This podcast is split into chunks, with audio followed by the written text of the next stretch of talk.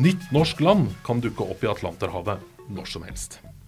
Og det fins en hai som utsetter den seksuelle debuten i både 100 og 150 år.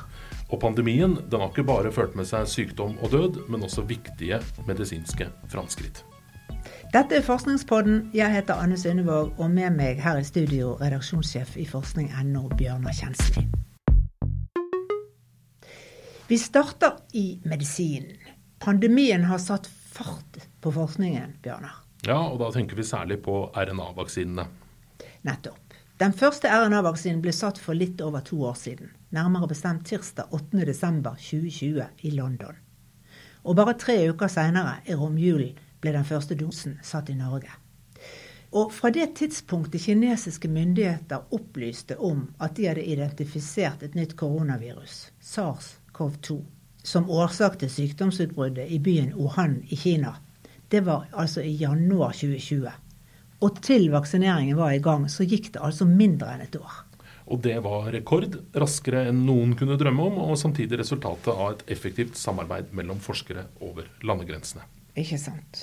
Og disse vaksinene med den nye RNA-teknologien har spart ufattelig mange menneskeliv. 19,8 millioner menneskeliv ble spart bare det første året med vaksiner ifølge en grundig beregning som forskere ved Imperial College i London har gjort, og som er publisert i tidsskriftet Lancet Infectious Disease. Og det er dramatiske tall. På verdensbasis så har forskerne beregnet at 63 av 100 dødsfall ble avverga bare det første året med vaksine, og at enda flere liv kunne blitt redda dersom vaksinene hadde blitt distribuert raskere til fattigere land, og hvis det hadde vært mindre vaksineskepsis. Og så viser det seg at denne nye RNA-teknologien som ble utviklet under pandemiens første år, kan komme til å bli svært nyttig på mange andre områder også. Det er jo en helt ny teknologi som skiller seg fra de vaksinene som vi har hatt til nå. Ja, men Med tradisjonelle gammeldagse vaksiner så sprøyter man inn drepte eller veldig svekkede biter av en bakterie eller et virus, som er det vi vil beskytte oss mot. Og Det igjen fører til at immunforsvaret vårt oppdager at disse bitene er noe fremmed. sånn at hvis du blir smitta med viruset eller bakterien seinere, så er immunforsvaret på alerten og trår raskere til. Mens RNA-vaksinen har en helt annen angrepsmåte. Noen virus deriblant koronaviruset, har ikke DNA som arvemateriale, men RNA. Derav navnet. Og RNA har en enklere struktur enn DNA, men de har akkurat samme oppgave. Det gir en oppskrift på hvilke proteiner som skal lages. Og RNA-vaksinene består rett og slett av deler av genomet eller arvematerialet til koronaviruset. Altså små RNA-biter. Men når du sprøyter disse inn i en menneskekropp, da er de ufarlige. For løsrevet fra viruset som de stammer fra, så gir de ikke sykdom. Nei, men det som skjer når du får en RNA-vaksine, det er at disse RNA-bitene likevel går inn i cellene dine og begynner å produsere proteiner etter oppskriften sin. Og når en celle lager proteiner, så vil den alltid vise eksempler fra den produksjonen på overflaten. Og vips, da oppdager immuncellene at noe er på gang. Og legger dette på minnet, sånn at neste gang du blir utsatt for dette viruset, så er immunforsvaret forberedt og kan trå til. Og En stor fordel med RNA-vaksiner fremfor de tradisjonelle er at det er mye lettere å oppdatere en RNA-vaksine når viruset muterer. Du trenger bare å endre RNA-biten litt. Alt det andre kan beholdes uendret. Det er litt som å oppdatere et program på PC-en din, sier Sven Even Borgås, som er RNA-forsker på Sintef i Trondheim. Du kan bare oppdatere programmet, du behøver ikke skifte ut hele PC-en. Nei, og Borgås eh, sier også at eh, det ikke er påvist noen nye alvorlige bivirkninger med denne nye teknologien. Og det i seg sjøl er ganske fantastisk, mener han, ettersom det nå er satt milliarder på milliarder av doser av denne RNA-vaksinen de siste to åra. Men all vaksine påvirker immunforsvaret vårt, og det er velkjent at noen ytterst få kan reagere akutt allergisk på vaksine, altså uansett hvilken vaksine du tar. Og Det er derfor vi må sitte 20 minutter på legekontoret etter vaksinen. For viser det seg at du er overfølsom for vaksina, da må du ha en adrenalinsprøyte litt kvikt. Men det som har overrasket mest når det gjelder bivirkninger av RNA-vaksinen, er at noen kvinner får kraftigere menstruasjoner av vaksinen. Og dette forskes det mye på om dagen for å finne ut hvorfor. Ja, ellers så melder eh, Washington Post i helga at amerikanske helsemyndigheter de planlegger å gjøre koronavaksina til en årlig vaksine, eh, på linje med influensavaksina. Og i løpet av våren så vil de prøve da å beregne hvilken virusvariant som vil bli dominerende neste vinter, og så vil de da skreddersy RNA-vaksinen eh, etter det. Men kritikere de advarer, for de mener at vi vet for lite ennå til å vite at en vaksine kan beskytte mot koronaviruset et helt år. Men så jobbes det også med vaksiner som virker mot flere varianter av koronaviruset. Altså Både Pfizer og Moderna har nå laget vaksiner som virker både mot det opprinnelige koronaviruset og mot omikron-varianten som kom seinere. Og den vaksinen den kommer nå til å erstatte de tidligere boosterdosene som da bare har beskytta mot én variant. Men RNA-teknologien åpner også for andre nyvinninger. Forskere jobber nå med å utvikle RNA-vaksiner mot en rekke andre sykdommer. Og her publiserer de lovende resultater i vitenskapelige tidsskrifter hver eneste uke, sier Borgås. Ja, For det første så blir det nå utvikla en influensavaksine med RNA-teknologi, som da skal kunne beskytte mot alle kjente influensavarianter. Det kan jo da ikke en vanlig influensavaksine. Og Merck og Moderna tester ut hver sin RNA-vaksine mot kreft. Og den skal brukes sammen med immunterapi.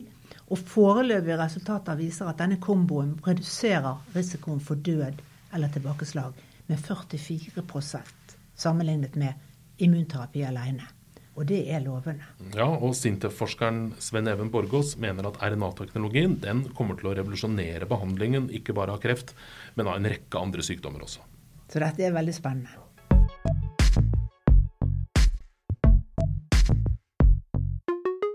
Jeg tror jeg vet hvilket virveldyr som må kalles verdens mest tålmodige, Bjørnar. Etter å ha lest en lang artikkel på forskning.no er jeg nå overbevist. Det er håkjerringen. For i motsetning til andre rovhaier, som hvithaien f.eks., som er rask og spenstig, er håkjerringen tålmodig, treig, dvask og langsom. På alle måter. Den svømmer i en fart av bare én km i timen. Til sammenligning så beveger vi oss fire ganger så fort når vi bare rusler bedagelig av gårde. Men slektningen til håkjerringa, altså hvithaien, når den uh, drar på, så kan den svømme i opp mot 56 km i timen. Men alt skjer sakte i livet til håkjerringen. Det er nok derfor den har fått det latinske navnet somniosus microcephalos, den sovende lille hjernen. Den har fryktelig god tid. Men selv om han bare beveger seg 1 km i timen, så legger han likevel bak seg hundrevis, ja trolig tusenvis av kilometer på noen måneder, mener forskerne. Og i denne farta så svømmer den rundt i Atlanteren i 100, eller kanskje 150 år, før den finner på å pare seg. Og deretter er den drektig i fire eller fem år, før den føder et ukjent antall unger som hver er sånn ca. 40 cm lang når den blir født. Og så vokser ungene igjen fryktelig sakte. 1 cm i året er alt de strekker seg. Og denne superlangsomme veksten gjør at marinbiologene lenge har ment at håkjerringen må ha et langt liv. Og for fem år siden så beregnet danske forskere, når de brukte radiokarbondatering av spor fra atomprøvesprengningene på 1950-tallet, og matematiske beregninger, at håkjerringen blir et sted mellom 272 og 512 år gammel. Et stort spenn, det altså. Men det betyr at det ikke er usannsynlig at håkjerringen kan feire 400-årsdagen sin et sted der ute i Atlanterhavet. Og kanskje bli enda eldre. Men vi vet ikke, og det er veldig mye vi ikke vet om denne sendrektige haien. Men vi veit at den er gammel på jorda. Den dukka opp for rundt 100 millioner år siden. Det er på den tida dinosaurene fortsatt regjerte på landjorda. Og vi veit også at den kan bli 5,5 meter lang og kan veie mer enn et tonn. Og det er da hunden som er den som blir størst. Og Håkjerringen er ikke menneskemat. Kjøtt er nærmest giftig for oss. Men dansker og grønlendinger brukte lenge tranoljen til håkjerringen som lampeolje. Men det mange lurer på, er hvordan klarer håkjerringen å fange byttedyr når han er så treig? Ja, og Lenge så trodde forskerne at håkjerringa var åtseleter. At den bare klarte å få tak i døde seler og fisker eh, som eh, da ligger på bånn eller eh, flyter rundt i havet. Men det stemmer ikke. I magen til håkjerringa har forskerne nemlig funnet seler som de kan se absolutt har vært i live når de har blitt spist. Og Håkjerringen angriper både sel og store torskefisker og sjøfugl. Og En hypotese er at den svømmer så stille at den klarer å angripe sovende sel, som den så sluker levende. Påkjerringen har ikke noen fryktinngytende tanger, sånn som eh, hvithaien har. Den bare åpner munnen raskt og lager et undertrykk og svelger. Dessuten så har den veldig god luktesans. Den kan lukte byttet sitt på mange hundre meters avstand. Og den har også en egen sånn elektrisk sans som da avslører muskelbevegelser til dyr i nærheten. Men han ser dårlig. Og har veldig ofte en parasitt hengende på øyet. Som ikke akkurat fremmer synet, og som ser ganske ekkelt ut. Men i havdypet så er jo ikke synet så viktig. Og det kan hende at øyeparasitten er mer til nytte enn til plage for håkjerringen likevel, for den er selvlysende. Så kanskje den tiltrekker seg byttedyr. Og så er det den reproduksjonen da, som vi veit enda mindre om. For selv om fiskere har fanget to millioner håkjerringer opp igjennom, så er det faktisk bare én eneste gang at noen har kommet over en håkjerring med unger i magen. Og da fant de ti unger i magen på haien. Og da tenkte man at det er vel rundt ti unger han får da, hver gang. Men når hunden og han går og venter på hverandre, kanskje 150 år før det skjer noe, og hunden så er drektig i fire-fem år, og det er fanget to millioner av de de siste hundre årene, da burde hårskjæringen vært utryddet for lengst. For hvordan kan hårskjæringen motstå et så stort fangsttrykk? Ja, derfor har forskerne nå en annen hypotese, for dette her går jo ikke helt opp. Så når håkjerringa først får unger, da føder hun masse unger, tror de. Kanskje i flere omganger. Og de ungene de blir åpenbart født andre steder enn ved Norge og Grønland, der hvor fangsten har pågått. Og de ti ungene som man fant i én drektig håkjerring den gangen, det var kanskje bare en liten del av en mye større graviditet. For når forskere ved Grønlands naturinstitutt endelig klarte å undersøke en håkjerring, altså en hund, så fant de ikke mindre enn 649 ubefrukta egg inni den. Og det kan bety at når håkjerringen først får fart på kjønnslivet sitt, så får hun kanskje hundrevis av unger etter hver paring. Og det kan i så fall forklare at denne haien kan vente i opptil 150 år med å pare seg, og likevel overleve og bli fanget i så stort antall. Og nå samarbeider forskere på Grønland og i Tromsø og i København om å radiomerke 40 håkjerringer som de skal følge med satellitter. Da skal de prøve å finne ut eh, hvor de parer seg, hvor de føder, hvor gamle de virkelig blir, og kanskje hvor mange unger de får også.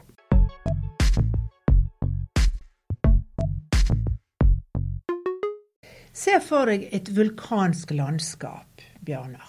Med fjell og vulkaner som er mellom 1000 og 3000 meter høye. Og nede på flaten er det varme kilder som ser ut som skorsteiner som sprøyter ut glohett vann. Det høres veldig eksotisk ut, men så eksotisk er landskapet mellom Jan Mayen og Svalbard. Under havoverflaten. Og sånn hadde jeg aldri forestilt meg at det ser ut nede i havet ved nordområdene. Ikke jeg heller, men sånn ser det ut. Jan Mayen ligger jo ute i havet nord for Island og godt sør for Svalbard. Sånn røftlig på samme breddegrad som Hammerfest. Ja, og på Jan Mayen så finner vi jo Norges eneste levende vulkan, Berenburg, som også er verdens nordligste vulkan. Som alle trodde var død helt fram til 1970, da den plutselig fikk et stort utbrudd. Og havområdet vest for Jan Mayen er veldig spesielt. For her er det ganske grunt. Og det finnes mange aktive vulkaner her. Og noen av de ligger bare noen titalls meter under havoverflaten. Og det som lett kan skje nå, er at Norge får utvidet sitt territorium. At en ny øy dukker opp i Atlanterhavet rett vest for Jan Mayen i norsk maritim sone. Og den som kommer med den spådommen til forskning.no, det er dyphavsforskeren Håvard Stubbeid ved Institutt for geovitenskap ved Universitetet i Bergen. Han har nettopp vært på tokt med forskningsskipet Kong Haakon, der forskerne har undersøkt nærmere dette dramatiske fjellandskapet under havoverflaten mellom Svalbard og Jan Mayen. Og de har gjort flere spennende oppdagelser. Sammen med tyske forskere har de oppdaget at på havbunnen nord for Jan Mayen langs den vulkanske fjellkjeden som deler Atlanterhavet i to, og strekker seg hele veien fra Søreshavet i syd til Nordøshavet. Her, på bunnen 3000 meter under overflaten, fins det black smokers, eller varme kilder om du vil, som de norske forskerne kaller hydrotermiske skorsteiner. Og ut av skorsteinene kommer det altså glohett vann som holder flere hundre grader. Og det kommer store mengder av metallsulfider som legger seg på havbunnen rundt. Og Stubbseid forteller at de har funnet flere black smokers i norske områder. I felter rundt Jan Mayen og i felter nordover mot Svalbard. Og Forskerne har lenge lurt på om det var rundt disse skorsteinene at livet på jorden oppsto. For her danner det seg spesielle biologiske samfunn nede på havbunnen. Men i dag så er det større interesse for de sjeldne mineralene som danner seg rundt black smokers. Det er mineraler som vi trenger til høyteknologien vår og det grønne skiftet. Og som mange håper vi kan høste uten at det koster så mye at vinninga går opp i spinninga. Og det er også høyteknologi som gjør det mulig å utforske disse områdene, selvfølgelig. Forskningsskipet Kong Haakon, som ble sjøsatt for fem år siden, er et av verdens mest avanserte forskningsskip.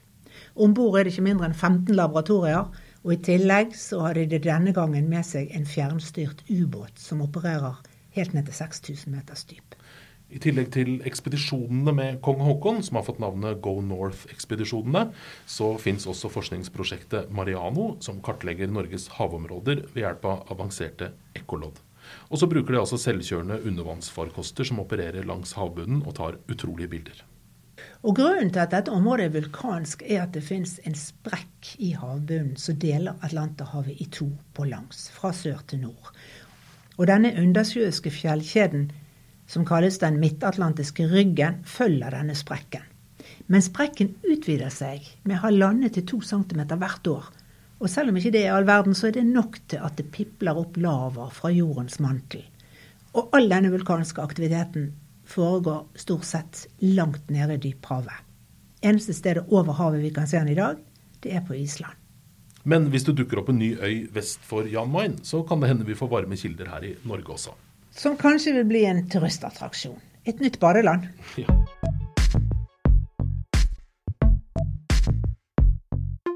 Vi skal opp på jorden igjen og snakke om de nære ting.